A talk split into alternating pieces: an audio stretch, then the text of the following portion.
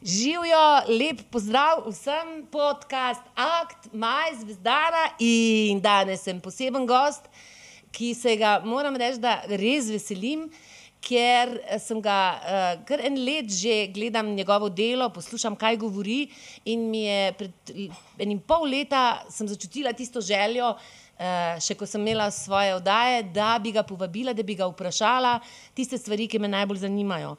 Uh, z nami je danes Robert Golob. In uh, zelo sem vesela, počaščena.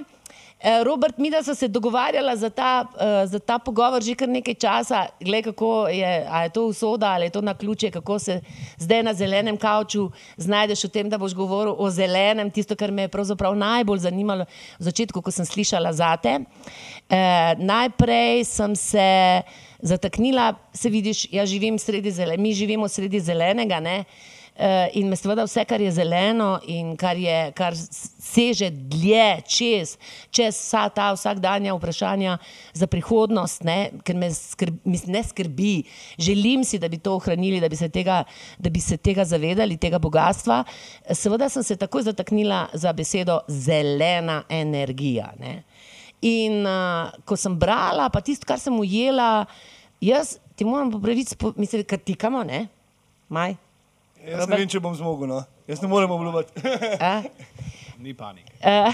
Kakor kdo želi. Kakor kdo želi. No, uh, jaz bi pa se tikala, ker se mi zdi, da je. Ja, sam da prekinem, uh, jaz sem zraven, to ni se zdaj, ne sam govori to, ampak jaz tudi poslušam to zadnje pol leta. Uh, in celo danes je prvič uh, Robert uh, mami šla uh, frizerju za gosta, odkar ima akt. Tako da sem tukaj, da, da, da lahko potrdim te tvoje besede. No? No, ampak gremo naprej na zeleno. No, jaz sem si takrat namreč uh, zelo me nekaj zanima in se mi zdi, da uh, zdaj, ko sem, se, ko sem rekel, da prihajaš, sem, uh, sem, ljudi, sem ljudi sprašvala, če vejo, kaj je to zelena energija, kaj to konkretno pomeni. Ne vemo. Mi pravzaprav si ne znamo čisto dobro predstavljati, se pravi, kaj je genij, kaj si ti tam delal, oziroma kakšno vizijo si imel. A veš, tako da bomo mi razumeli, zakaj gre. Ne? To me zanima. Okay. Po svoje je škoda, ker se nismo dobili pred dejansko pred šestimi meseci. Ja. Ker bi še bolj zaneseno lahko govoril o zelenih, uh, okay, zeleni energiji, zelenih politikah. Na drugi strani bi pa lahko bil malo bolj sproščen. Zdaj ne morem biti tako sproščen, kot bi lahko bil takrat. To je plus in minus. Ja. Okay, ampak uh, ja, v Geniju smo si že pred leti, mislim, da je bilo 2016, na začetku mandata, zastavili uh, načrt, vizijo, da bomo firmo preoblikovali v moderno energetsko podjetje. Kaj to pomeni? Do takrat smo bili, smo bili trgovci, mednarodni trgovci z energijo in bili smo dobavitelji energije. Uh Mhm. -huh. Ampak ta del, je bil, ta del je bil odličen za posel in nam je šlo super. Je pa mogoče nam manjkalo, da temu rekel, malo du za dušo. Aha. In v 2016 smo se lotili za res temeljito novega programa, popolnoma novega programa, ki smo ga imeli Geni Sonce. In to je bil v bistvu načrt, kako se in tehnološko, in tudi poslovno pripravimo, da take produkte, take tehnologije, ki lahko vsakomur omogočijo, da se samo oskrbuje. Pravi, naš cilj je bil zelena samooskrba. To lahko rečemo kar sončna samooskrba, ampak samooskrba. Uh -huh. Ta cilj ni samo zelen, ker v primeru sončne samooskrbe v resnici ubiješ tri muhe na en mah. Eno je, da si oglični odtis zmanjšaš in ne uh, obremenjuješ okolja. Ampak še bolj pomembno, ali pa skoraj enako pomembno je, da s tem v resnici prevzameš v svoje roke tudi to, po kakšni ceni boš imel električno energijo in vso energijo. -huh ker kar naenkrat nisi odvisen ne od uh, rabcev, ne od Rusov, ne od plina, ne od ničesar, ki imaš svojo elektrarno na svoji strehi in te ne nič druga skrbi. In tretja stvar je, da je možno elektrificirati vso uporabo. Res je, da nekateri se grejemo na plin, ali pa so se greli, drugi na drva, ampak vozimo se na nafto ali benzin, ampak v resnici v naslednjih desetih letih bomo vso svojo porabo energije, tiskaj bo hotel, lahko spravil na elektriko. In potem spet prijemo na sonce in kar naenkrat postaneš dejansko samo zadosten. Plus, to pa vem, da je za dame pomembno, ker je bilo pri nas doma podobno. Uh, Sploh, če živiš na deželi, včasih zmanjka elektrike, Ja. ker pade omrežje. Ja. No, in če si dodamo poleg elektrarne še baterijo, ali pa ko bojo električni avtomobili odklenjeni bomo lahko uporabljali električni avto za shranjevalnik, si dejansko popolnoma neodvisen tudi. Pravi, si neodvisen cenovno in neodvisen si tudi z vidika nekaj sistema. Ja. Ampak kje pa, pol, uh, kje pa pol firma profit naredi? To vprašanje smo dobivali na začetku, zelo v smislu, čak, čak vi živite od prodaje elektrike ljudem, ma ni glih tako. Uh, mi živimo, podjetje naredi 90% prihodkov in 100% dobička v tujini, mednarodno trgovanje. Vse ostalo je za nas poslanstvo. Tudi danes, ko dobavljamo električno energijo in plin v Sloveniji, to delamo zato, ker hočemo en del naših dobičkov prenesti do ljudi. In pri sončni, pri sončni energiji je podobno. Seveda ne delamo z uh, minusom, zakaj pa bi? Ja. Ampak poanta je bila razviti tak poslovni model, ki bo v resnici vzdržen za nas na dolgi rok, ne z vidika maksimizacije dobička, ampak vzdržen in na drugi strani bo za ljudi tudi atraktiven. Se bo, bo slišalo, ampak sem v takem kraju si lahko prvoščim. Se bo slišalo malo čudno, ampak takrat, ko smo mi rekli, celo podjetje je na poti zelene transformacije, Ja. So celo trgovci, ki so se prej spraševali, ali mi delamo samo za denar, dobili svoje poslanstvo. Ker so ugotovili, da oni s svojim trgovanjem, kjerkoli že, pomagajo financirati programe zelene preobrazbe. In je z vidika poslanstva in identifikacije vseh zaposlenih s podjetjem, v katerem delajo, to je šlo gor za 100%. Od takrat naprej smo dvakrat zmagali na zlati niti, naprimer, v Ja, treh letih. ja, ja. Ampak ravno, jaz si upam trditi, da tudi zaradi, tudi zaradi tega, ker smo uvedli kulturo vrlin in tako naprej, ampak si upam trditi, da tudi s tem, ker smo osmislili ljudem, aha, hodim v službo, ne samo zaradi denarja in ne zato, da delam dobičke v trgovanju za ne vemo koga, ampak ker potem še te dobičke v enem delu prelijemo ljudem skozi nižjo ceno, hkrati pa omogočamo zeleno transformacijo, kar naenkrat se tudi meni, ko postaneš ponosen, kaj počneš. Pravi, ne hodiš več v službo, čeprav se sliši to čudno, ampak je resnično. Ne hodiš več v službo zato, da boš tam dobil plačo, ampak zato, ker si ponosen na to, kar ustvarjaš. In to z velikim veseljem dobiš. Ja, in še dobro nam gre in še služimo zraven. To ne bom znač krivo, ker je čista resnica. Ponavadi gre Ja. tako, ne? tudi ko se dobro počutiš, ko se Točno, pol obilje ko se pride, ne, no. kocke zložijo, se potem stvari same od sebe odpirajo uh, in je povezano. Uh, tako da ne gre za klasičen altruizem, ampak gre za to, kako v bistvu zmotivirati in osmisliti eno delovanje širšega kolektiva. No? Je ful, ful, ful. Ja. No, se to, Ker jaz sem spremljal, jaz sem spremljal eh, z Matejem, ne, Kalanom, ki Mhm. so sodelavca, sva, sva spremljala uh, od Genija tisto zadnjo konferenco, kako, kako, kako se že Mhm. reče. Uh, in sem bil prav presenečen, ker sem slišal, kako so pismo ti napisali. Ne. Mhm. Um, in se mi zdi, da tak, takrat sem prav začutil, no, tako, Mhm. mm. to se meni kot mlademu človeku, podjetniku in tako, to v bistvu temu razmišljamo. Ne, in, uh, in je lepo, um, lepo je slišati, da v bistvu vi ste to že naredili. Ne. Ja. Ja. Ja, ja, neka ker, šablona mo, za to, ker postavimo. mladi, naprimer te sin, moji sinovi, pa njihovi prijatelji, jaz sem postala pozorna, ne, jaz sem iz, še iz tistih časov, pač socialističnih časov, ne, kjer je to bilo normalno, da, da Si šel na šiht, ja, ne. se nisi spraševal, kaj tam počneš. Ja, ampak in oni pa, naprimer, eh, danes tudi, ko sanjajo naprimer, o svojih firmah in tako, večkrat slišim, in da rečejo, da oni bojo za svoje delavce poskrbeli, da bojo zadovoljni. Ne? Absolutno. Ja. Mislim, jaz, zaradi tega, ker sem delal, zbil veliko časa in, in sem vem, kaj pomeni 9 to 5 in kaj pomeni točno tako, kot si rekel, da greš z veseljem v službo. Tiste službe, tudi če sem dobil manj denarja, sem bil vesel, ampak vem pa, da to, da ko, ko prideš na ših, da imaš, da imaš namen ne? in da ko prideš domov, da imaš za kruh in za počitnice dvakrat, trikrat na let, si srečen človek, se kaj več rabiš. Ne? In to je vam, se pravi, v, v, to vem, da, da je tebi oziroma vam tam v geniju uspel, ne? da so bili ljudje zadovoljni. Ja, ja. Saj, da to je tisto, kar smo najbolj ponosni. Ne, da smo bili tam zato, da bi samo dobiček, dobiček, dobiček, Ja. pa še lastnik je v pretežni meri tako ali tako država, tako da je z tega vidika to manj pomembno. Ampak zaradi tega, ker smo bili ponosni na to, kaj počnemo.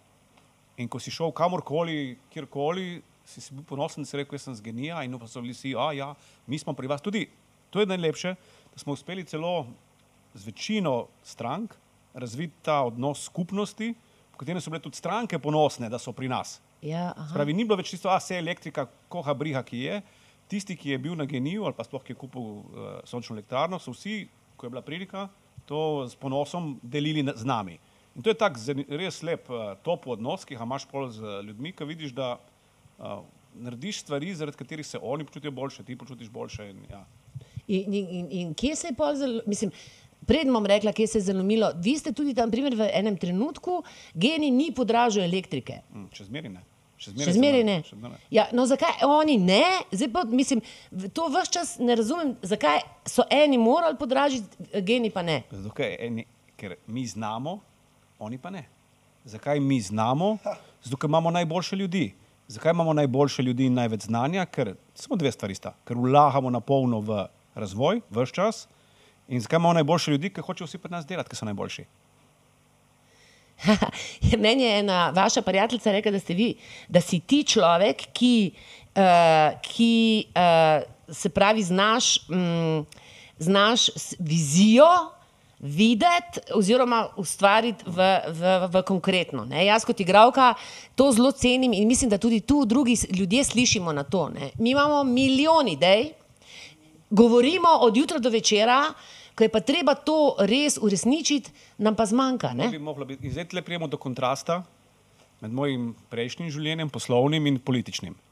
Ker v poslovnem velja rek, ideje, ideje milijoni so zastojni. Ja, ja. Ker vsak lahko generira milijon idej, ampak v poslu je to nepomembno, ker vse, kar šteje pri poslu, je realizacija. V politiki, ne, odkar zdaj se ukvarjam, nobenega ne zanima realizacija, vsi samo tekmujejo v tem, da na, znotraj enega dneva natrosijo čim več idej, ker itak vejo, da ne bodo nikomor odgovarjali, če jih ne bodo realizirali. To, je, to sta dva svetova, ki sta tako daleč narazen, da je prav neverjetno. No? Ampak, eh, a ni država v bistvu na koncu koncu se, jaz sem to pa uh, srečala, mislim, da ko smo delali Miha Rarija, takrat je meni to tako prišlo uh, uh, pravzaprav pred oči.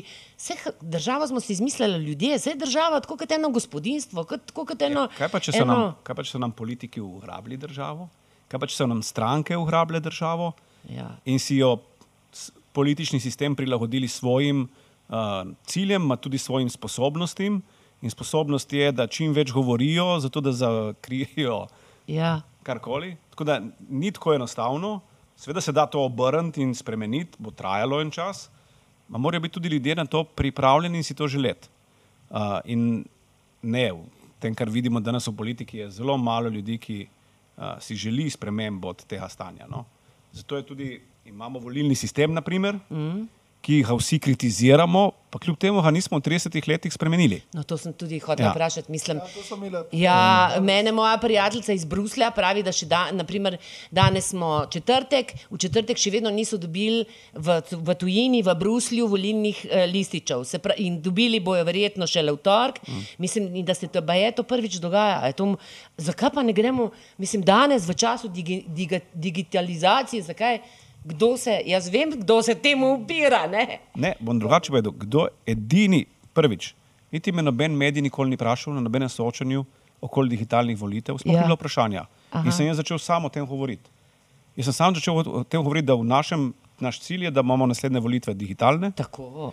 ampak še bolj pomembno je, da vmes digitaliziramo referendumsko odločanje. to je, to je ključno, ker na referendumu je prihajalo v preteklosti do zlorab, ker je en del volilnega telesa, ki je bil discipliniran ali karkoli, se je aktiviral in prišel voliti in je manjšina v resnici uveljavljala svojo voljo. Mm. Če uspemo olajšati ljudem, in, in digitalni kanali so natančno za to, uspemo ljudem olajšati glasovanje na referendumu, Ja. potem so lahko referendumi bistveno bolj pogosti. Pa cenejši. Sem res, pa zdaj, zdaj ta blok Pogosti- tehnologija, to je zdaj točno po, pogosti, cenejši in, ključno je, več ljudi bo glasovalo, kar pomeni, bojo bolj reprezentativni. Ne bo več prihajalo do zlorab mm. z vidika tisti samo, ki je bil prepričan. In, in za težke družbene teme je to predpogoj, če hočemo res nekaj spremenjati. Recimo, tipičen primer je res volilni sistem. Ne verjamem, da bi se stranke kadarkoli dogovorile za kakršno koli res vsebinsko spremembo, preko referenduma pa je to možno. Ja, ja, Ja? Ja. Ker na referendumu pa lahko tudi, in kar vidimo zdaj, civilna družba predlaga spremembe. Ampak Tega se pa stranke tako bojijo, da vam ne morem povedati. In mi govorimo dosti o civilni družbi, oni so pa v naši zakonodaji se politika izvaja preko strank. In to, se- to bo težko, ver- misliš, eh, mislim, to me pa res zanima, kako, kako to lahko spremeniš. Jaz vem, da Lahko to ne, ne more bo. en sam človek ali pa samo ena stranka, ampak kaj, moramo biti. Ja, začne kaj? se pa z enim, ne? Ja, začne se pa z enim. Ja, ozi- oziroma, kako kako se lahko tega lotiš? Ne, lahko ne bo, ampak zdaj pridemo do točke vizije. Ja, Najprej no. moraš postaviti vizijo, potem za to vizijo navdušiš dovolj veliko število ljudi In potem se staviš ekipo, ki je pripravljena to izvajati. Zdaj se sliši enostavno, ampak to smo naredili na geniju. Nekje se je začelo, pa smo eno leto smo približno pili vizijo, po enem letu smo rekli, ok, zdaj smo si jo toliko zastavili, da verjamemo, da jo lahko začnemo izvajati. Aha. In ker smo jo toliko časa promovirali, eno leto dni, smo v tem času tudi sestavili ekipe ljudi, ki so verjeli v to. No, in ko smo začeli delati, so se stvari začele odvijati bistveno hitreje, kot smo si mislili. Bom dal res banalen primer, ta je res banalen. Ko, smo, ko sem zaposlil tega, ki je zdaj direktor uh, na Geni Sonce, da bo imenoval Gregor, uh, je, smo mu postavili načrt in on se je držal v glavo, Robert, to ni mogoče. Po enem letu je rekel, ma dobro, ta načrt smo izpolnili še boljše, ma za drugo leto spet ni mogoče. In zdaj, ko sem odhajal, je rekel, nikoli ne bom pozabil, kako vsako leto je bilo nemogoče in vsako leto smo prebili načrte. Spravi, toliko se da narediti, ko ljudje verjamejo v poslanstvo, da se celo načrti, v katere sami ne verjamejo, ker se jim zdijo nemogoči, ja. jih na koncu izpolnijo, te isti ljudje. Ker poanta ni, da se bojiš načrta, poanta je, da verjameš v poslanstvo. Ja. In politik skoraj da gre samo, okay? skoraj gre samo. Sem, ko verjameš. Ne, jaz eh, vem, o čem govoriš, zaradi tega, ker mi tako vse predstave naredimo, oziroma vse, svoje, vse projekte. Mi imamo vizijo in je, jaz, eh, mislim, veliko krat se nam zgodi, da mi vidimo, kako bo izgledal in res, ko zgleda. Na koncu koncev tudi vsa nova duhovna znanja temeljijo na tem, da moraš imeti vizijo. ne. Ampak, uh, se, ampak to je pa jasno, ne, da mi živimo v času, ko nihče več nič ne verjame. Ja, COVID in tudi obnašanje naše vlade je temu strašno pripomoglo, da so ljudje res izgubili zaupanje vsi v vse. Ja, vse. Uh, in je kar naenkrat je vse pod vprašanjem. Uh, in, in tle bo treba kar nekaj napora, zato da bomo to vrnili nekam normalno stanje. Ampak bom dal primer. Če bomo probali spet vse ljudi spraviti, da bojo verjeli v vse, Ne. je to brez veze Ja, in tudi ja. ni smiselno. Če pa najdemo določene skupne točke, jaz jih imenujem, imenujem te uh, enostavne zmage, skupne točke, okoli katerih lahko združimo dovolj veliko skupino ljudi. Mhm. Pa, recimo, bom dal primer sončne elektrarne, na Ja. primer, sem dal banalen primer. Potem lahko na posameznih projektih začneš ljudi vračati ljudem zaupanje. Se pravi, reče, rečeš, naredili bomo tole, tukaj nas je zbranih tisoč, ki v to verjamemo, zdaj nas pa opazujte eno leto in boste videli, da bomo presegli vsa pričakovanja. In ko jih dejansko po letu dni presežeš, aha, začnejo tudi ostali ljudje, ki niso sodelovali na projektu, verjeti, da naslednji projekt bo podoben. In s tem večaš, zelo ni nič čez noč, ampak na ta postopni Ja, način ja, večaš množico ljudi, ki jih zaupa v vizijo in s tem tudi večaš realizacijo te iste množice. Tako da se da zlagati skoraj kolego kocke uh, in dejansko deluje. Ampak gradualizem je pa to pol, a je pomemben. to pol, je to pol uh, zdrav kapitalizem v bistvu? Ne, za zdrav kapitalizem rabimo pa še nekaj drugega. Za zdrav kapitalizem pa rabiš razčistiti vprašanje lastništva. To nam ni še ni uspelo, mi smo bili tik pred tem, da uh, smo imeli celo podporo EBR- EBRD-ja in podobno, tik pred tem, da bi en del lastništva, manjši del lastništva, genija, uh, prodali, dali na razpolago na eni strani zaposlenim, hkrati pa vsem našim uporabnikom. Spravi, da bi vsi naši odjemalci imeli pravico postati lastniki. Aha. Da bi res naredili skupnost, ne samo zaposlenih, mm. ker to je en način, ampak tudi uporabnikov. Zato, ker imamo pač množico uporabnikov in je to, na ta način se najboljše prepričaš, da te nihče ne Ja, ja. na tvojih ramenih služi, ker si tudi ti so udeleženi in je potem to uh, dosti bolj transparentno. Uh, pa, kot rečeno, ta vlada je poskrbela, da uh, nič od tega ni ratalo, ampak takrat, ko pa uredimo ne samo upravljavski sistem, ne samo razvojni del, pa odnos do zaposlenih, ampak uredimo še odnos do lastništva, ki je lahko celo v veliki meri ostane tudi državen, v, del, v drugem delu pa povezan s temi, ki so zaposleni, pa uporabniki storitev. Takrat prijemo lahko do pravega modela, ki izpremo temu vse deležnike, poveže v celoto. To je ta, to je ta krog, ja. to je se zadnje čase se, se Mhm. s tem srečujem. Vse, vsako podjetje, vse, kar začnemo opažati, da je Mhm. in, in da to v bistvu na nek način ponudbo in povpraševanje po, um, ustvarjaš. Ne? Pa pol lju- ljudem tudi mogoče jih s tem motiviraš, če je zeleno usmerjeno podjetje. Ne? Človek, če je lastnik, se mogoče začne razmišljati o tem. ne. In kaj je to še zeleno? Se pravi, sončna energija, a je, a je elektrik, mislim, kaj, kakšen, kaj pa misliš o te, uh, teh jedrskih centralah in o tem, naprimer? Jedrske centrale imajo, niso zelene, po moji definiciji, so brezoglične, kar pomeni, da v nekem trenutku so lahko naravni zaveznik v boju proti podnebnim ciljem, uh, imajo pa pre, precej neznank, preden bomo rekli, da to je pa zdaj res ta prava pot. Zdaj lahko gremo zelo v detajle, pa bom prav biti poljuden. Ja. Uh, glavni, niti ni problem, ampak naša teza, moja teza, tudi že v podjetju, pa tudi zdaj, je, da imamo te, tehnologije, kot je sonce, s katerimi lahko poskrbimo za vsa gospodinstva. Ja. Okay? In pr pravilno je, da poskrbimo za gospodinstva, in sploh se ne ukvarjamo z drugimi tehnologijami, kar se tiče gospodinstev. Rabo shranjevalnike, vse lepo in prav, ampak kot vir je sonce. Potem pa imamo industrijo, ki pa potrebuje drugi tip vira. Ja. Ampak industrija primarno potrebuje vir, ki je ok, dolgoročno, uh, dolgoročno zdržen, predvsem pa tudi cenovno dostopen za njih. Mm. In pri jedrski danes, zato ker je bil pač razvoj jedrske tehnologije se v, v zahodni svet ustavil, imamo pri zahodnih ponudnikih veliko dilemo, ali vemo, kakšna bo cena, če začnemo graditi jedrsko. In dokler se to ne razčisti, je vprašanje, če zaskakati na glavo v bazen, ki ne vemo, kakšen je. To ne pomeni, da se to ne bo razčistilo. Recimo, če na tem delamo 3-4 leta, verjamem, da v roku 4 let bomo lahko prišli do točke in rekli, ok, tukaj so parametri za izgradnjo mm. nove jedrske elektrarne in, in upamo si trditi, da jo bomo gradili toliko časa, da nas bo toliko stalo in da bo cena energije iz te elektrarne taka.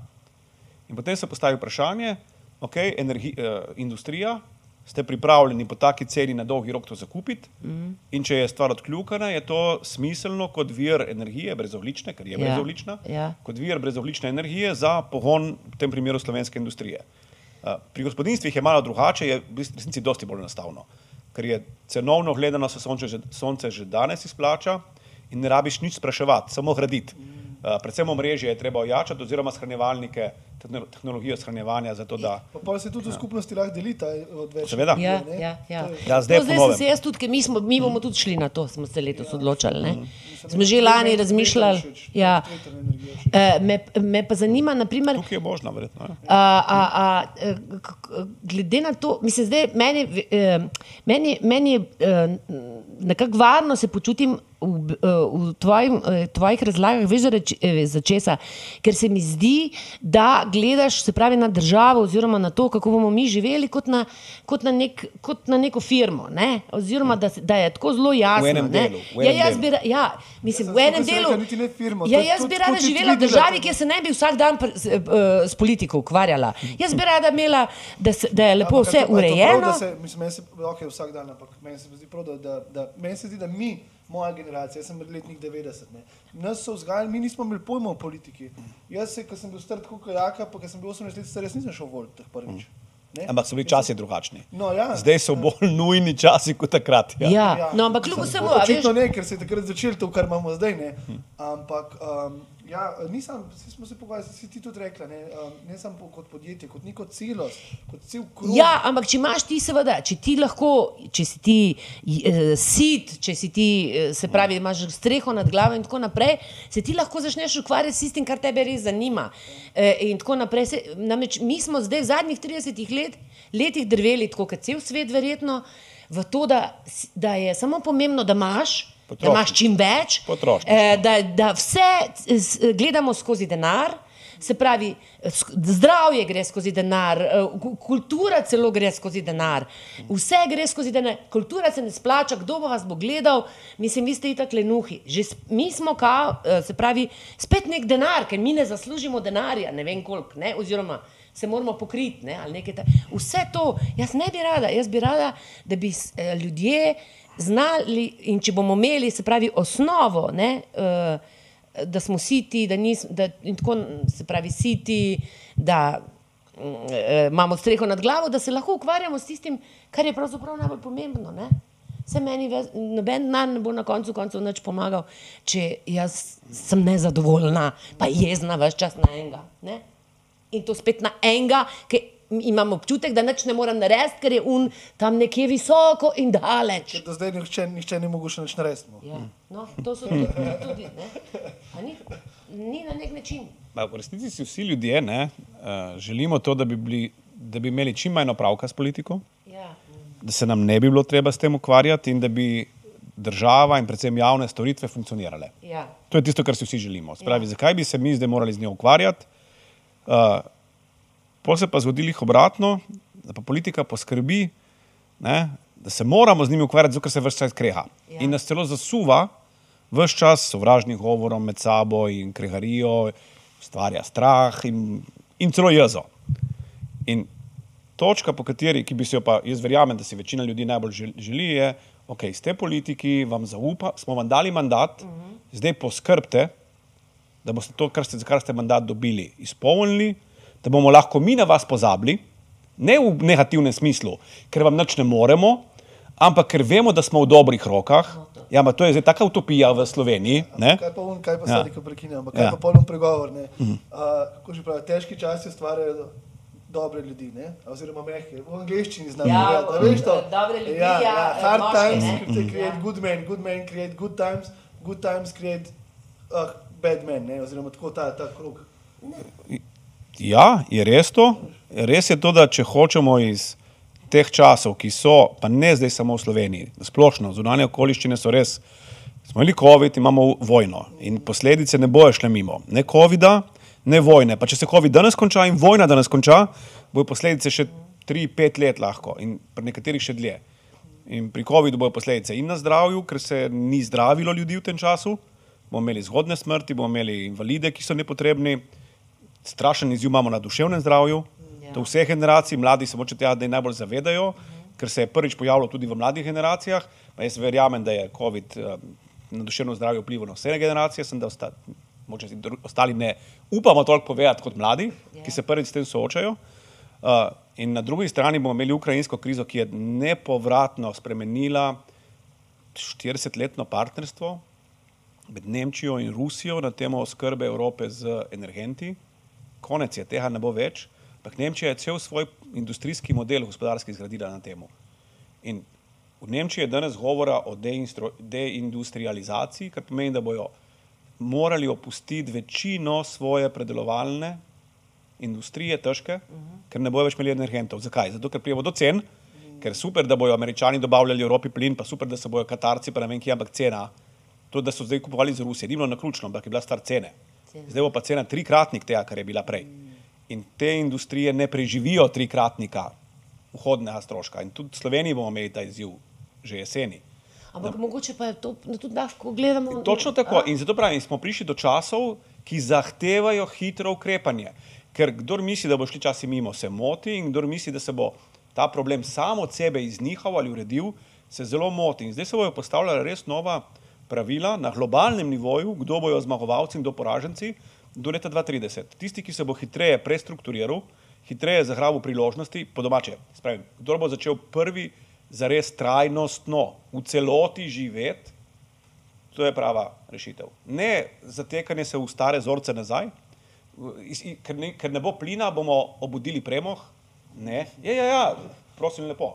Tako razmišljajo sedanji na vladi. Ampak ne, ker ne bo plina, moramo pojačati brezoglične vire. Pa ne izključujem jedrske. Če bo cenovno ugodna in tako naprej, da. Ampak moramo iti pospešeno, hitreje moramo iti zdaj, ker plina ne bo. Že, jaz sem skoraj prepričan, da že jeseni ne bo več ruskega plina v Evropi, čeprav se o tem ne govori, ampak kot kazen Rusiji za to agresijo je skoraj gotovo, da bo cela Evropska unija sprejela embargo na plin. Zdaj čakajo, da se konča, da prije poletje, Ja. da probojajo napolniti čim bolj rezervarje in potem mislim, da bo šli na jesen. To je moja špekulacija, ma, glede na cene in kaj, kaj delajo mednarodni trgi danes, uh, kako cene rasejo, sem prepričan, da je ta špekulacija zelo uh, Pa se verjetna. tudi logično. Ne, In, način, in seveda ja. je tudi z vidika vseh ostalih uh, rekel, presoj logična, ampak to potegne za sabo, da bo plin jeseni dražji za trikrat, v primerjavi zdaj z prejšnjo zimo, električna energija tudi dvakrat. In to celo vrsto industrij, tudi v Sloveniji, ki danes temelijo na poceni energentih, spravi ven iz uh, številk, ki so vzdržne poslovno. In, in če se tega ne zavedamo in si zatiskamo oči, Ja, potem se bomo čudili, zakaj je, zdaj bom dal primer revoza, zakaj je revoz kar naenkrat eh, opušča proizvodnjo in ali jo bo še sploh imel. Pa ta je najbolj, eh, najmanj viden, ampak je pa realen na svoj Ja, ja, način. In takih, ja, To pa po industriji, zdaj, zdaj mi je začelo se svideti, kako je to. Ja, jaz- jaz- Korona in to, so pa tako udarili po industriji, mislim, sploh si ne predstavljam, zdaj si mi dal zamisel. Zdaj smo tako Ja, šli v ne, take, v take vode, ki. poanta ni, da hočem jaz zdaj prodajati črno prihodnost. Ne, ne, Poanta sem je, če znamo napovedati izzive prihodnosti in če smo prvi, ki na nje reagiramo, potem se bomo zvlekli. Če pa si zatiskamo oči, da o, prihodnost je lepa, da se nam ne bo zgodilo, pol nas bo pa zadelo, ko bo Ja. prepozno, ko bodo vsi poskrbeli zase, mi se bomo pa gledali, odkje bomo pa kaj dobili in kje bomo dobili denar, da bomo delovna mesta vzdrževali, ne bomo jih mogli. Ne, pa mi smo tako majhni, da bi mi res lahko hitro odreagirali. pol- Poleg tega, jaz v tem ne vidim take teme, tudi ne zaradi tega se bomo pač na kaj drugega obrnili. Vse to se v življenju enkrat gor, enkrat dol, enkrat levo, Ja, desno. se da. Ne? Vse se da. Dobra novica je, da imamo ogromnega denarja v Sloveniji. Ja. privarčevanega. Mm. To, je, to je edina dobra posledica COVID-a, je, da smo vsi varčevali Ja. in da imamo danes denar na bankah. In torej prijemo do tega, kako se zdaj iz, rečemo, iz industrijskega modela iz prejšnjega stoletja izvid, tako da ta denar, ki je na bankah, skozi ustrezne, skozi ustrezne naložbene priložnosti, a so to stanovanja, a so to sončne elektrarne in podobno, aktiviramo da zo- zato, da začne generirati vrednost. Ker danes je ne generira. Danes Ja. je na banki in je, lahko je imenuje speči kapital, ima predvsem ne ustvarja nove vrednosti. Če sem se kaj v poslu naredi- naučil, in to je tudi ena od razlik, zakaj je genij uspešen napram komu drugemu, v poslu je vse odvisno od tega, kako hitro vrtiš kapital. Razlika med nami in med ostalimi dobavitelji je, da mi šestkrat obrnemo hitreje denar kot oni. In potem lahko seveda od marša marže imaš, ker se, nas, se nam govori, da imate majhne marže. Škoda, če imamo majhne marže, pa da ima dobiček do velik. Ker smo pač večkrat obrnili isti denar kot ostali. Tukaj sem ti govoril, se spomniš, kaj pred parimi dnevi sem ti govoril, ko sem se pogovarjala o Reikiju, mi da so zdaj delava te. Mm. Sem se z mami v furu zadnje dve leti. In, uh, Ja, reki, druge stopnje sva naredila, ne? Sem zdravilca in sem se zadnjič pogovarjal, um, njih nekje sem bil na skošu, sem se s kolegom pogovarjal o denarju. Jaz sem imel vedno probleme z denarjem. Jaz nisem, se pravi, jaz sem ta generacija, kjer ni bilo čist nič. Smo- Z denarjem pa s šolo si imel probleme. To sem Tom Popolo vprašal. Sem slišal, da si tudi šprical. v glavnem, ne, kako je, kako je pomembno. Jaz sem, Robert je končal faks, veš? Kaj si še včeraj rekla, da sem, kaj sem, kjer pak sem jaz končal? Ja, ja, življenjski. No, ja. Ne, mislim, zdaj, veš, lahko, lahko potem rečemo. Ne? Zanimivo je, um, kako, ker sem ti tudi rekel, da ko sem bral malo o tebi, sem videl, da imamo zelo podobno raz, razmi, način razmišljanja. Ne? E, Venem se pa najdemo, nekje smo, pre, smo prebrali, to je moto naše družine. Nemogoče je mogoče. Ja. No, v glavnem, ja, ta pritočnost denarja, te- to, to kako, kako je pomembno. Uh, jaz sem se pogovarjal o enih bioenergetikih, ne, ki jih vidim, da so dobri ljudje, pa pritočni, pa tako, ampak čutiš, da ga pa s časom ga pa začne neki žreti. Ne? In to je zato, ker se mi zdi, da denar, kapital sedi nekje. A Ne? In da bi mogli da bi mogli to kulturo pametnega zapravljanja oziroma investicij, da bi mogli to bolj malo Naložbenja. Naložbeno, No, ja. Ker zapravljanje, zapravljanje nikoli ni pametno. Okay, no, evo. Ne, to smo imeli pa Je fajn, da z daš, fajn je, da daš skozi fazo zapravljanja, zato da vidiš, da te v resnici ne osrečuje. In potem, ko to vidiš, ok, ugotoviš, da dobro, dobro smo probali, zadosti, gremo naprej. Evo, Ja. ja. Zapiši si tole. To, Uh, jaz bom zdaj uh, kar preskočila, ker eno, eno, a eno lahko je sam še, aj nekaj izvoli. Sam to, da vprašam, da mi ne bo šlo z glave. Jaz sem zadnjič uh, šla k enemu uh, kmetu, ki nam uh, za naše lame mal da koruze, pa tako. In, je, in se meniva, in ga tako vprašam, kako pa zdaj. Pa, uh, ja, je rekel, trikrat so cene šle gor mm -hmm. in tako. In pravi, ja, za umetna gnojila. Pa jaz tako rečem, ne, seveda, ker sem vsa zelena. A, a so umetna gnojila res nujno potrebna, ne samo tam, mm. mislim, krave, pa vse mm. to. Prav, uh, ne veš, zanimivo, hočem reči, po, uh, odgovor mi je dal, je rekel, zdana za mene jih ni treba. Je rekel, jaz uh, na moji nivi ne delam tega. Je rekel, za tista mesta moramo poskrbeti, oni bojo lačni. Uh, a veš, to je ena taka zelo preprosta modrost, ki se, ki se zdaj tako le, kot en zvonček mal oglaša. Ne? Uh, glede na to, da jaz, ki, ki tukaj živimo in si vse sama pridelam, ne, se pravi za celo družino hrano in vse čas poslušam, predrago, to se ne splača, to te spet nekdo nateguje. Uh, Ne, sej, samo Mislim, skrba, je samo lahko skrba ni najcenejša, je pa najboljša. najboljša. Ja. Ampak pač malo manj ješ, ne? Mislim. ne, ne, ne, jaz vse čas rečem, namesto da ti tam eno, eno junk hrano kupiš, razumeš, eh, pocen pač malo, kaj, m, ne, ne kupiš naprimer tri, ne vem česa, tri kile sira, ampak kupiš pol kile sira, mislim pa greš na sprehod, pa imaš divje rastline, pa se tako naješ. No, pa itak Okej. okay. jemo preveč. Ja. Jaz mislim tudi, da jemo preveč, ne, na nek mislim, način. A? Najhuje je takrat, ko jemo iz dolg časa. Tisto je najhuje. Ker ko, če si zaposlen in če ti ni dolg čas, ne rabiš toliko jesti, ja. Ja. to drži. Ampak je, bom prišel reči do druge točke. Jaz mislim, da je, če je hrana zdrava, zares zdrava in tle prijemo do ekološkega kmetijstva, takrat dejansko organizem potrebuje bistveno manjši vnos hrane, bistveno manjši. ja, je bogatej. bistveno boljš se počutiš, ne samo placebo efekt, dejansko se boljše počutiš. Mm. In glej, zlomka, bolj zdrav si, torej manj, Greš imaš manjši družbeni strošek. Ne? In, in ko to enkrat ponotraniš, ugotoviš, da pa se to je čisti win-win, pa dajmo se vsi truditi. Pa, narobe pa sem to, da si mislimo, ali, da je to črno-belo, ali stoprocentno tako, ali pa nikoli. Ja, ne? ja. In potem se v bistvu samo omejujemo in to je narobe. Jaz, tu čez en dan na teden začneš, pa se reče, "O, dan, danes bom imel tak dan, zdrav dan. Ja, to je res. Ja. Je to boljše, kot da nimaš nobenega, ker se trudiš, da bi bil cel teden, pa, pa ne zdržiš več, pa, pa prešaltaš nazaj in se ne zmakneš več. Tako da je ta, jaz ti imenujem uh, moč navad, se je cel kup knjig na to temo, ampak če si uspeš posamične navade, take majhne, ki so pa pozitivne, dati na svoj urnik, pa se jih navaditi in prav pri prehrani je to tipičen primer, ne, to je največ, kar lahko narediš za sebe.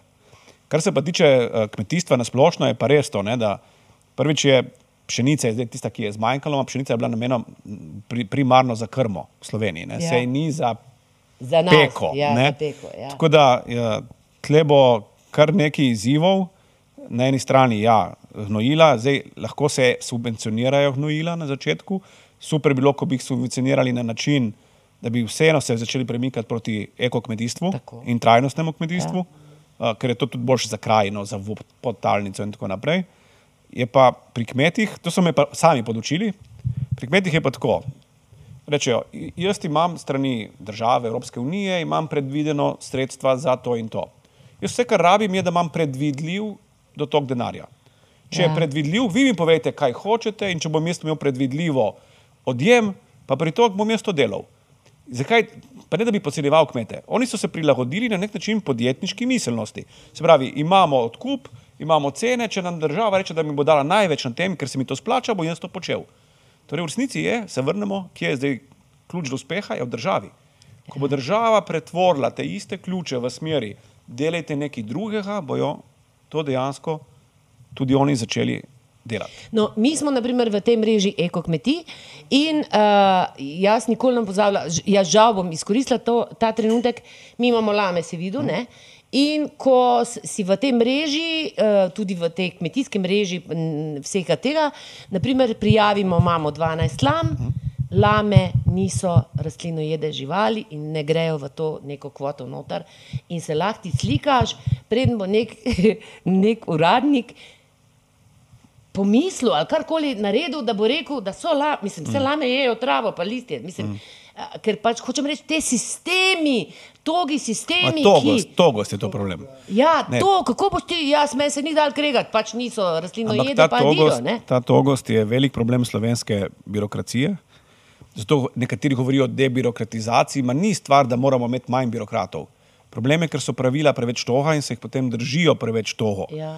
Uh, Jaz bolj pravim, da jih treba tudi birokrate opolnomočiti, pa jim dati odgovornost, da bodo znali sprejemati, sprej, opolnomočiti, da bodo znali sprejemati odgovornost, kdaj pravila relaksirati, ker je to prav, ne ker jim je nekdo to tako predpisal, in potem se tega držati. Ampak to, da bi nekdo rekel, se to posod.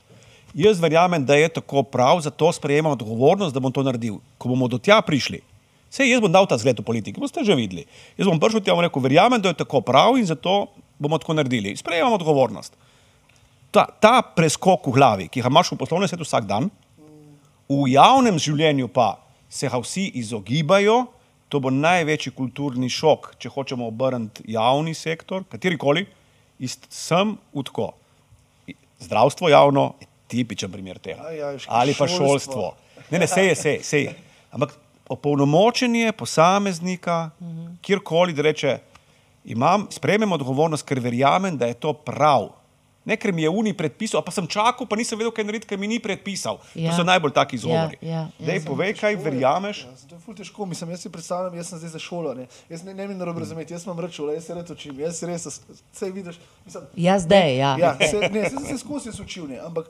Um, Ja, tisto, kar te je zanimalo, Recimo, ja. ja, ne, v šoli, jaz eh, pri teh ljudeh opažam, um, da so se vdali, eh, da, da jim tudi ni do, do, do tega, da bi prevzeli odgovornost. Kako recimo v šoli en učitelj prevzame odgovornost, če, če more nadreti kakšnega mulca? Kakšni so zdaj mulci v šoli, recimo, ne? To je ja. tak konkreten primer, ne? A veš, kako boš, kako boš to naredil?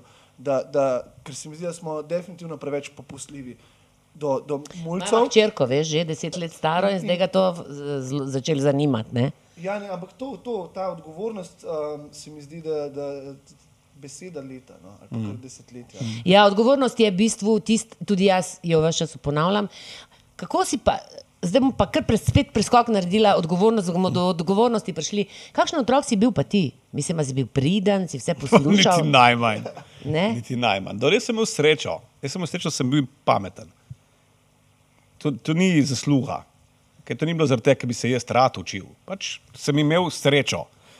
Uh, in ko sem, ker sem se v šoli zelo dolgo časa, sem bolj šprical, ja, že v tretjem razredu in posvetovi, da se dolgo časa in potem sem začel preskakovati in tako naprej, ampak to ni stvar zasluh. To si ne moreš lastiti kot tega. talent, ne? Ja, š- ne, še huje je, s tem se rodiš in potem je samo od tebe odvisno, kaj boš s tem naredil in če boš naredil tudi kaj koristnega, še za koga drugega razen zase. A In ta prvi, ta prvi korak je, da sprejmeš, da ti je to od, od nekoga dano, da za to nisi ti zaslužen in če si ti nekdo to dal, potem je tudi prav, da to nekomu vrneš, komu drugemu, ki tega nima. Tako da, ja, dobro, je, da sem imel srečo. Tu si se pa zdaj že dotaknil nekaj, nečesa, kar sem mm. tudi jaz la, Maju rekla. Uh, v bistvu, se veš, tista svetopisemska zgodba, da Bog ti je dal talent in tvoja dolžnost je, da to izkoristiš. Mm. Uh, kaj pa ti sploh misliš o duhovnosti, glede na to, da je to duhovno, duševno zdravje? ja. ja. Ne, jaz se ne pogovarjam. Mislim, jaz, eh, od, eh, jaz od besedičen, besedičen duhovnosti ma- imam tuk, tukaj gor. Namreč, to je direktno povezano z odgovornostjo, ne? z tem, da spoznaš sam sebe. To, kar si ti zdaj rekel, jaz sem vedel, da. da uh, Spoznal sem, nisem spoznal vedel, si, spoznal spoznal sem. si. No? Ja. Ja. In si se tega zavedel in si bil hvaležen. Mislim, to je v bistvu tako. Ampak sem rabo dož časa. Koliko pa si rabo? No, ne vem, to rabiš, rabiš tam do, recimo, do 30 let skoraj. Takrat A ja. sem se zares, Aha. takrat sem se zares zavedel tega, pa dobro, dobil sem še eno brso urit spet od nekoga tako z, pri otrocih. Uh, zato sem se zamislil, da dej, mogoče pa nisi na pravi poti, da sprav se k sebi in sem se spravil. Včasih rabiš brce, Ja. da se zaveš tega, kaj je v resnici, uh, da ti gre predobro. In da dej zdaj hm, nisi zato tukaj, da ti bo šlo predobro, ampak zato, da boš sodeloval v širši skupnosti in prispeval po svoje. Tako Da, ja. Ampak ok, se vrnem na duhovnost, kaj je lažje, Ja, da ne bomo ja, zdaj tle preveč ja, ja, ja. Duhovit, uh, uh, uh, duhovičili o. Ne, Duhovnosti. to, to se ne da duhovičiti. Bom, uh, v bistvu je vprašanje, ki se mi zdi, da mora vsak, vsak pri sebi priti do tega uh, in se z leti seveda razvija ta odnos, ne samo da spoznavaš sebe. Uh, in vsak ima svojo pot. Eni grejo preko vere, drugi grejo preko spiritualizacije, karkoli že. Uh, jaz, ki sem bolj v podatke, pa v znanost, sem šel zanimivo bolj preko uh, neuroznanosti. Ja. Na koncu pridemo vsi do istega. Ja. In to je tisto, kar te pol da misel, da očitno ne, ni važno, po kateri poti končaš na isti točki, zdaj eni to imenujejo. Uh, verujem v vsemogočnega, drugi, imenuje, drugi v vesoljsko Ja. ja. karmo. Ja. Ne, bom citiral Einsteina, ki mi je všeč. On pravi, da v vesolju je ena sila, ki je nihče ne razume, pa vse povezuje in to je ljubezen. Ne? Torej, lahko verjamemo v ljubezen. Ja? Ja. Vseeno je, kako to imenujemo. Ja. ne? Ja. pa vsaka vera po svoje. Na koncu vsi pridemo do tega, da nismo samo meso, pa kosti. Samo fizično, se pravi. Sploh ne, ja. ne, ampak da je očitno v nas nekaj več. Ne? In Je, to je tako, ko si tudi po znanstveni poti priješ do podobnega ali do istega spoznanja, je tako precej uh, bom rekel, wow, zanimivo. Z, z, z, eno področje, kjer ga res lahko raziskuješ. E, Moja izkušnja, namreč to sem hodila že prej. Ti si se ukvarjal z energijo, z električno energijo, poznamo vsi te, te naprimer Teslo in tako naprej.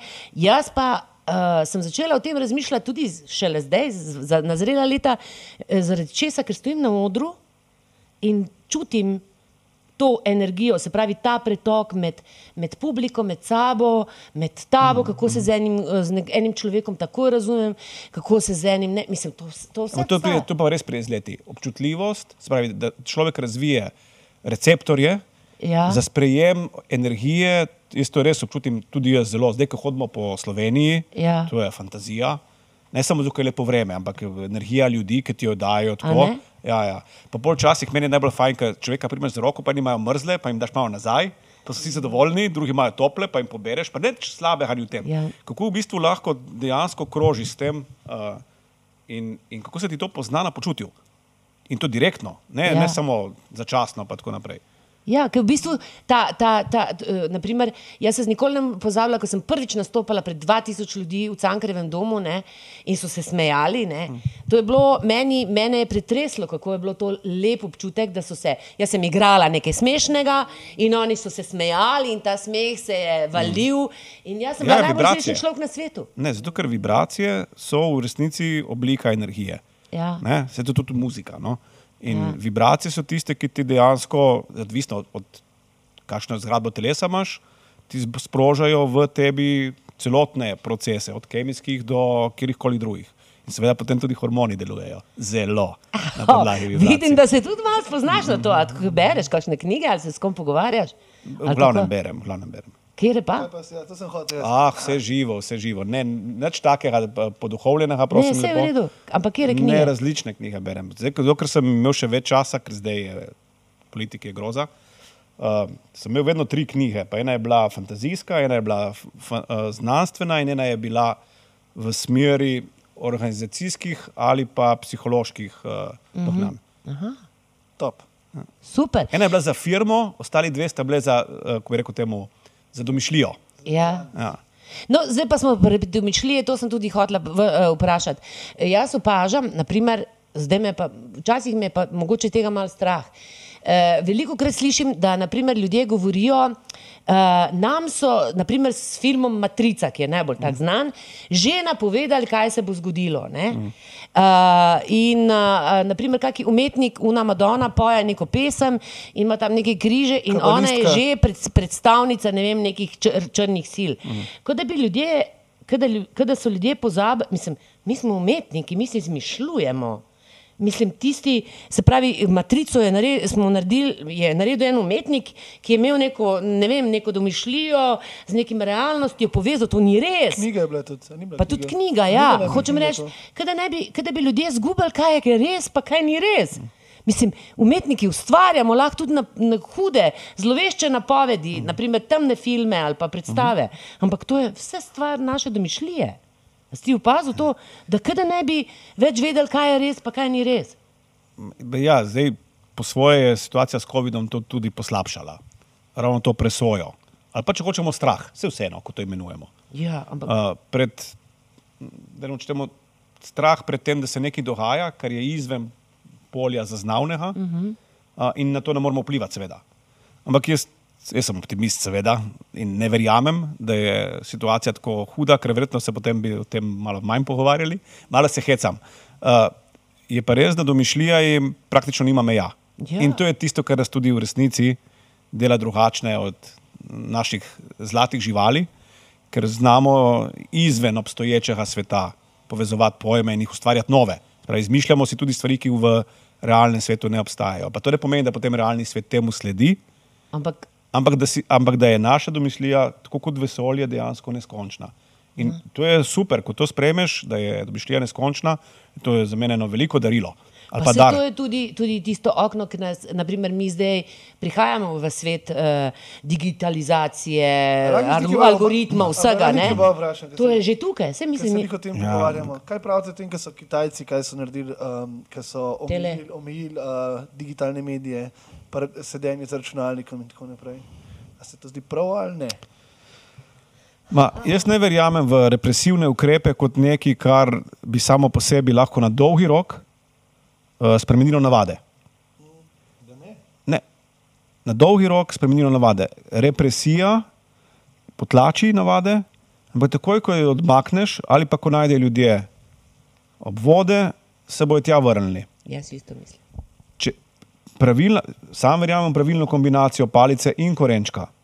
Spravi, postaviš omejitev, ki je ne, po domače, ali lahko reko ustaviš. Ne moreš jo ustaviti, a jo lahko skreneš tok, brez problema. Postaviš oviro in to je palca. Nočem, da greš sem. Kaj ti pa daš možnost, kam pa ne gre reka, ne smeš prepovedati vse pretoke. Super, ja. In zato pravim, ministro je pri teh represijah. Če postaviš represijo v smislu vzgojno, da samo skreneš obnašanje in navade, potem da, potem to lahko deluje. Samo s prepovedjo ne narediš dosti, ker prej ali slej uh, vsaka. Sej možen je samo v totalitarnem režimu to, ne, ampak tako. Um, uh, followajte nas, like, share, subscribe. Aha. Po slovensko povej ti. Ej, vedno pozabim, kako že. Kako že? Naročite se na naročite kanal. se, naročite, subscribe. No. Ja. Ampak pa kakšno vprašanje lahko napišete, ali pa kakšno mnenje svoje. Um, tako, no. Ja, pa razširite obzorja. Vse. Jaz imam naprimer, eno izkušnjo, se mi zdi, uh, to sem tudi šele z zrelimi leti videla, uh, da vsakokrat, ko sem kaj, ko začutim, da mi nekaj ni, da, da imam nek, hočem, da, da nekam spada nekaj, neko mnenje v moje v predsodek, kadar grem direktno vanga in ga raziščem, da me zna zelo včasih veliko naučiti oziroma presenetiti. Prav naučiti. Okay. Ne? To pomeni, da predsotki, uh, kaj je prav, pa kaj ni prav, se, zdaj navezujem na to represijo. ne. To, so, to spet spada v tisti, v tisti bazen, kjer jaz mislim, da nič kaj dosti ne moreš doseči pri ljudeh. Ampak najboljše, da, jim poka da se ne ukvarjaš s predsodki, ampak jim pokažeš boljšo pot. To je najboljša varianta. Ker ljudje smo taki, da hočemo, kdaj se mi z nečim poistovetimo, ko to izberemo. ja, Ja. in zakaj izberemo? Zdaj imaš dve možnosti. Ena je neskončna možnost izbire kot po- potrošništvo in smo si nesrečni. Ja. In druga možnost je, da imaš eno izbiro, kar si enako nesrečen. Ja. Najboljše variante so, ko imaš obvladljivo število, dve, tri, in na ta način lahko ljudi, kot smo prej govorili, zelo na lep način, načusiljiv, skozi njihovo izbiro spravljaš iz nezaželenih vzorcev obnašanja v zaželene.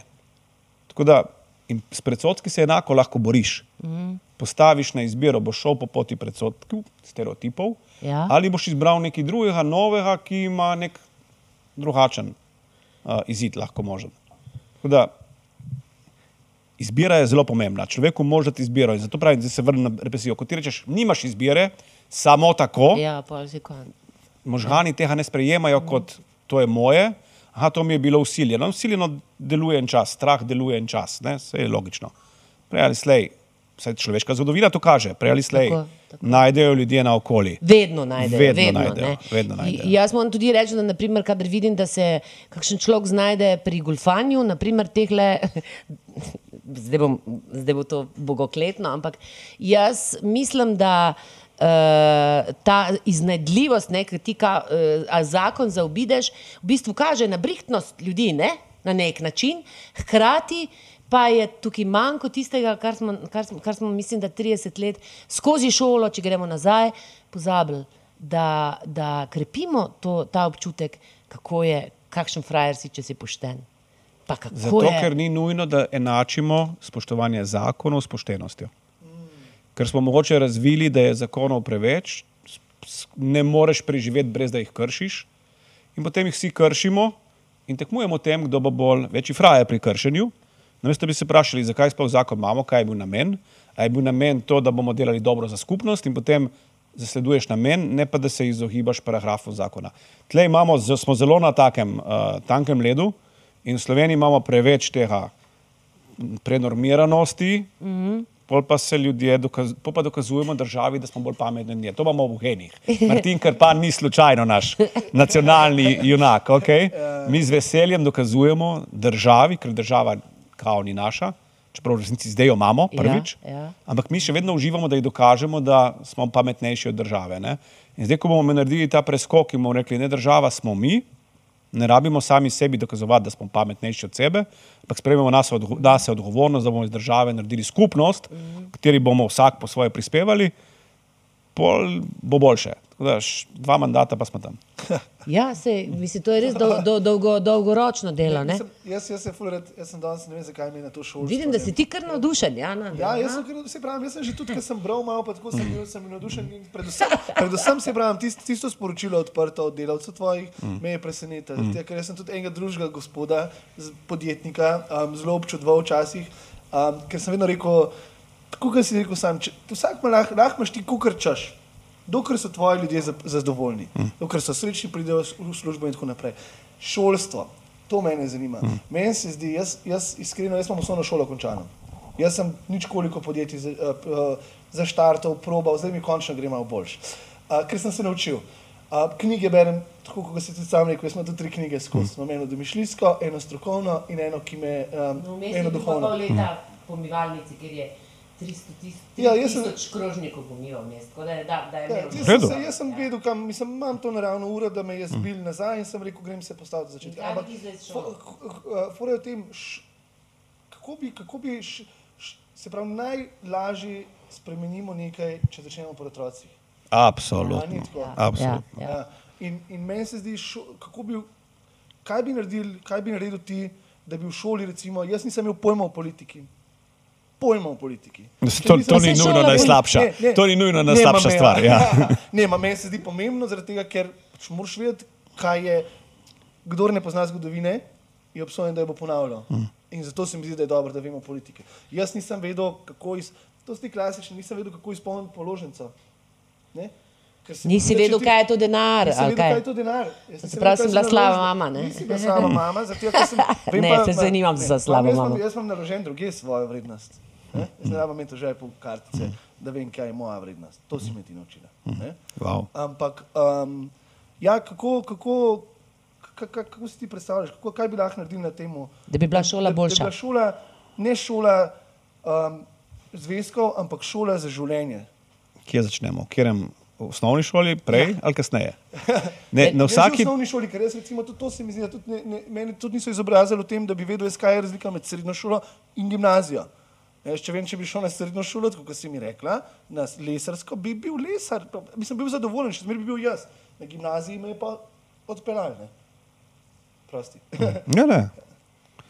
Ma, jaz bom šel namenoma v vrtec, zato Ja. ker uh, se mi zdi, da osnovne karakterne lastnosti otrok razvije dejansko v vrtu. Takrat, ko gre prvič v med ljudi, v socializacijo, v vzgojni proces. Ker vrtec je kar precej vzgojnega procesa.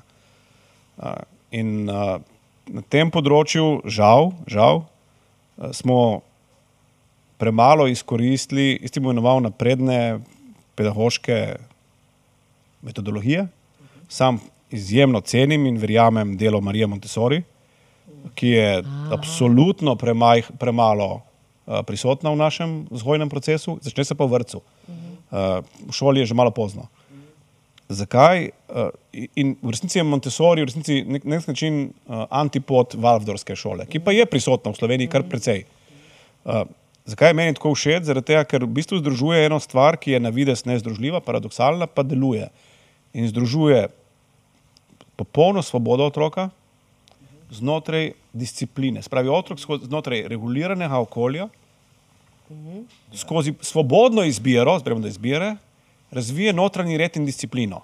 Spravi, tup, tup, tup. Mislim, to je, meni je, zdaj, ko govorim, se sliši tako, pa to ni možno, je možno, ker sem Ja. to doživel na svojih Znam otrocih. to, ja, ja. In, je, in je ta vzgojna metoda tista, ki v resnici vzgaja odgovorne in opolnomočene posameznike. In to je tudi To je najbolj, ta metoda je najbolj primerna ravno za to. Vzgojiti opolnomočenega in odgovornega posameznika, ki mu ni težko reči, to je prav, ker je od drugega leta starosti navajen, da on izbira, kaj je prav, kje se on najboljše počuti znotraj okolja, ki je definirano. Ne? In zato razvije popolnoma brez problema sprejemanje odločitev, odgovornosti itd. Nikoli pred ničemer ne beži, nikoli nobenih pravil ne izigrava, ker pravil ni. Pravila so samo meje, noter pa ni pravil. Ja, poznaš to? Mislim, to si, In je je- bilo dobro, da si sami pogledate uh, in da se mal. Res priporočam, ja. zdaj nekaj vrtcev je na to temo v Sloveniji, vedno več v resnici. Uh, jaz bi bil strašno vesel, ko bi to metodo tudi v kurikulum, izbirni, kakorkoli, v javnem šolstvu upeljali, ja. ker danes, po mojem mnenju, tega ni v javnem šolstvu, pa je interes tudi med uh, učitelji in Ja, velik. ja, ja. Je prej, da pol trčiš do problema, da, ker je banalnost. Če hočeš imeti tako šolo, moraš imeti dovolj veliko število učiteljev. Ker ne moreš imeti samo enega, ker tam žrebajo. Mi v naši šoli, osnovni, aha. žrebajo, kdo bo imel kiri razred med učitelji. aha. In, in seveda, ti, če žrebaš, imaš enega Montessori ali dva na deset, ne moreš učnega procesa uh, temu prilagoditi. Ampak to je recimo en primer, ki je kako spremeniti, če bi res zdaj si rekli, aha, danes smo tukaj, kako priti sem gor, je to pot, ki bi jo jaz sam izbral. Kaj pa ta privatizacija v šolstvu? A Ne, privatizacija je. Jaz nisem nasprotnik privatnega kapitala, kar tako. Spravi, mm. zasebna lastnina je čisto v redu, Ja. če se jo pelje z pravimi cilji. Kadar se pa ne pelje s pravimi cilji, takrat pa lahko postane zares problematična. Zdaj v Sloveniji nekega resnega zasebnega šolstva, mislim, realno gledano ga nimamo. Zakaj? Ker edino zasebno šolstvo, ki ga imamo, je bolj ali manj vezano na uh, Rims, rimsko-katoliško crkvo. Ja. Ja. Zato govoriti o tem, da imamo mi za res privat šolstvo, je bolj tako. Pa no. itak je eh, financirano od govorim, države. govorim o osnovnem šolstvu, govorim Ja. o osnovnem šolstvu, pa o srednjem šolstvu. Ja.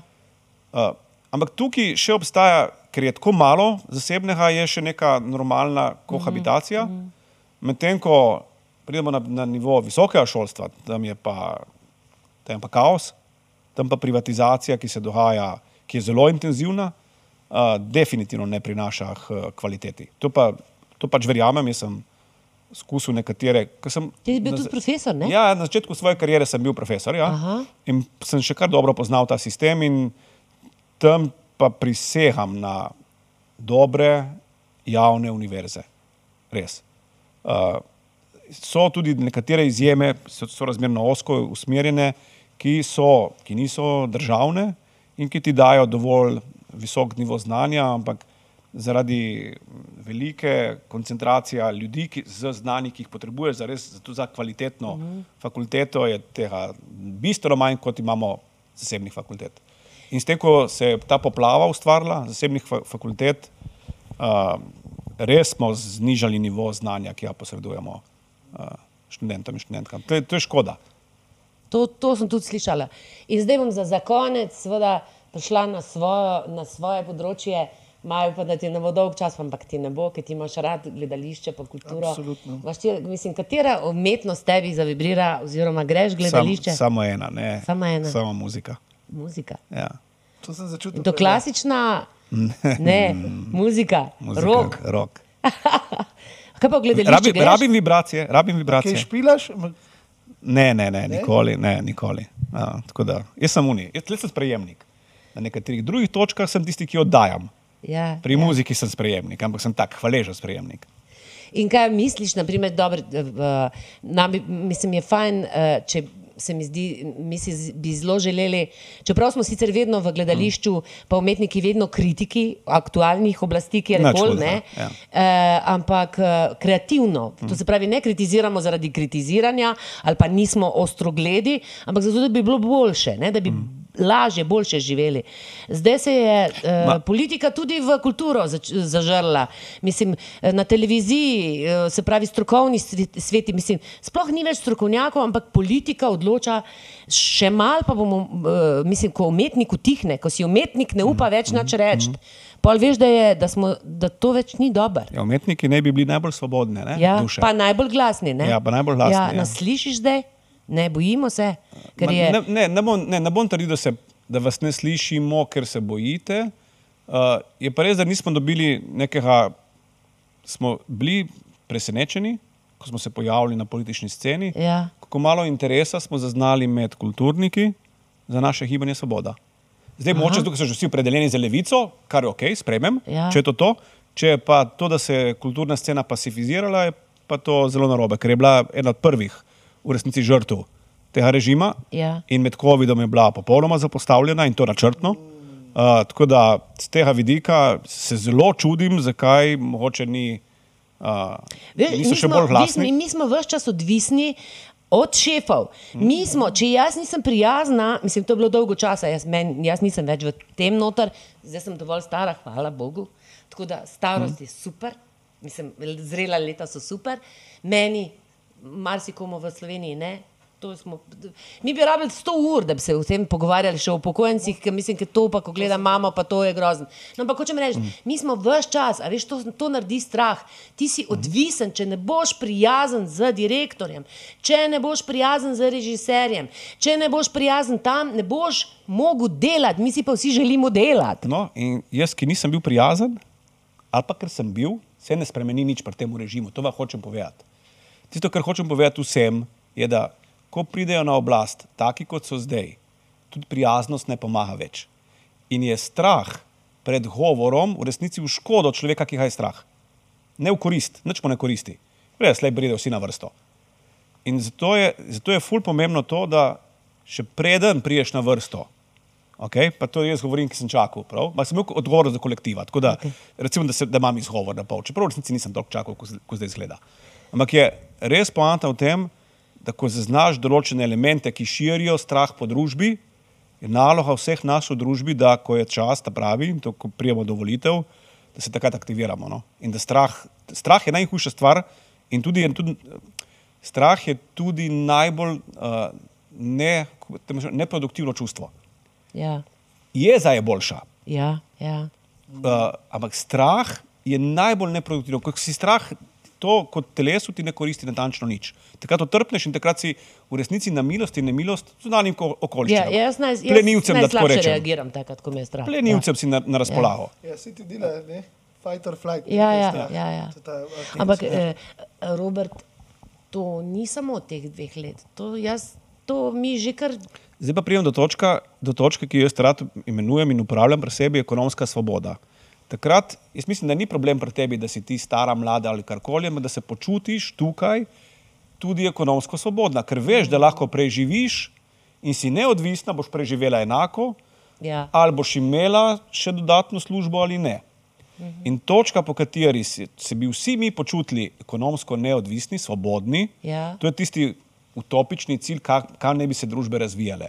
Ja. Spravi, vsak od nas je gospodar svoje usode, vsak od nas lahko preživi, ne glede na to, če ima slabega šefa, pa se mu mora zahvaliti, ker bo preživel. Ko pa si sužen, ali pa ko si odvisen od miloščine drugih, takrat pol pa vlada strah. In to je tista točka, odrezati miloščino, odrezati, ker s tem odrežeš strah in ljudi osvobo, osvoboditi, da postanejo ekonomsko in potem tudi sicer tudi drugače neodvisni. Ni enostavno, najlažje je to s tem, Ja. da imaš dovolj denarja, tako da ne bom tudi rekel, da je lahko meni govoriti. Uh, to je ena pot, ni pa edina pot. Ne? Tukaj, kjer sediva, ni pot v denarju. Tako da so različne poti, kako lahko do tega pridemo. ne. Uh, včasih se nam zgodi po nesreči, okay. uh, ampak je, ko se to zaveš in po to iščeš, je to v redu. Bom dal en primer banalen. Ko sem bil še, jaz sem na faksu, sem bil, ja, pa že takrat, jaz sem imel res žilco, sem imel srečo za ustvarjanje vrednosti in potem seveda denarja.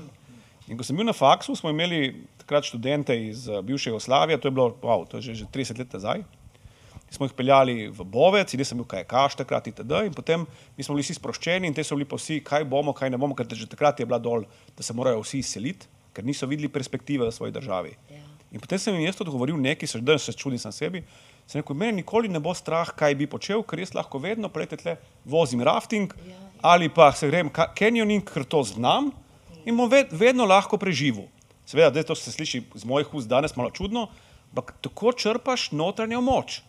Ker veš, sem vedel, jaz, jaz sem vedel že od 25. leta naprej, da se lahko kadarkoli, odvisno od nivoja, osamosvojim in nikoli ne bom lačen ker sem bil odprt za različne možnosti. Nisem iskal vedno samo v znanosti ali pa v poslu, ali še najmanj pa v politiki. In v politiko zagotovo ne grem zato, da bi se osvobodil, ampak zelo bom pomagal ostalim, da se osvobodijo. No? Ja, me, Super, me, mene jaz si motiviral, mene si motiviral dokler- da, bo, da, da je tudi mene začela politika zanimati. No. Prav ta direktiva in Gibanje je to- odprto, evo, prosim, Absolutno, naše gibanje je odprto, resno. absolutno, Ja. Absolutno ne. Um, Zaradi tega, ker to, to, da, da, to, to daje upanje. Tudi če, tudi če ne bo nič od tega, tudi če samo to poveš. Tudi če samo nekaj- probamo. Ja, tudi če Ja, samo probaš. tudi če samo navdihnemo. Ja. Ena odličnih knjig je, Sineka, nima veze, Sajnek, eh, why se začni z zakaj, ki pravi, jaz sem na svetu zato, da navdihujem druge ljudi, da navdihujejo naprej, da sprožaš pozitivni plas sprememb, ampak v smislu navdiha. Ja. Zato sem zdaj tle uživam, ne? ker vidim, da lahko navdihujem, a ne samo vaju, vse se v bistvu, navdih je vedno tako, da se rola, tako kot energija. Ne? Vse je pretočno, ja, to je ja, danes ja. tema, vse je pretočno. Ja. In em, em, moram reči, da sem uživala in da uh, mi je. Da bom ja. počasi- Bomo naredili še. Bomo še. Naredimo po volitvah še. Ja, še, ja, ker bi še rada še, še o starosti, pa vsem tem. Glavno, končala bi tako, napri, eh, naprimer, eh, dokler imamo dve roki, začnimo mi tudi pomagati ta trenutek spremenjati eh, življenje z, z, z tem, da verjamemo v to, tako kot si prej rekel, dokler imam jaz dve roki, mi ne bo težko, ne? Zato, ker so vse možnosti odprte, a ne? Drži. Končamo? Ja. Pejte volt. Ha, pejte Pejte volt, nujno. Nam je čisto vse govorim. Ja, nam je čisto vse en, koga sam, da pokažete, mislim, da se Absolutno. odločite, kaj hočete. Ne? Da se odločite, kaj hočete. Like, share, subscribe. Hvala, hvala, Robert, hvala, Hvala, Robert, čas. ja. Hvala.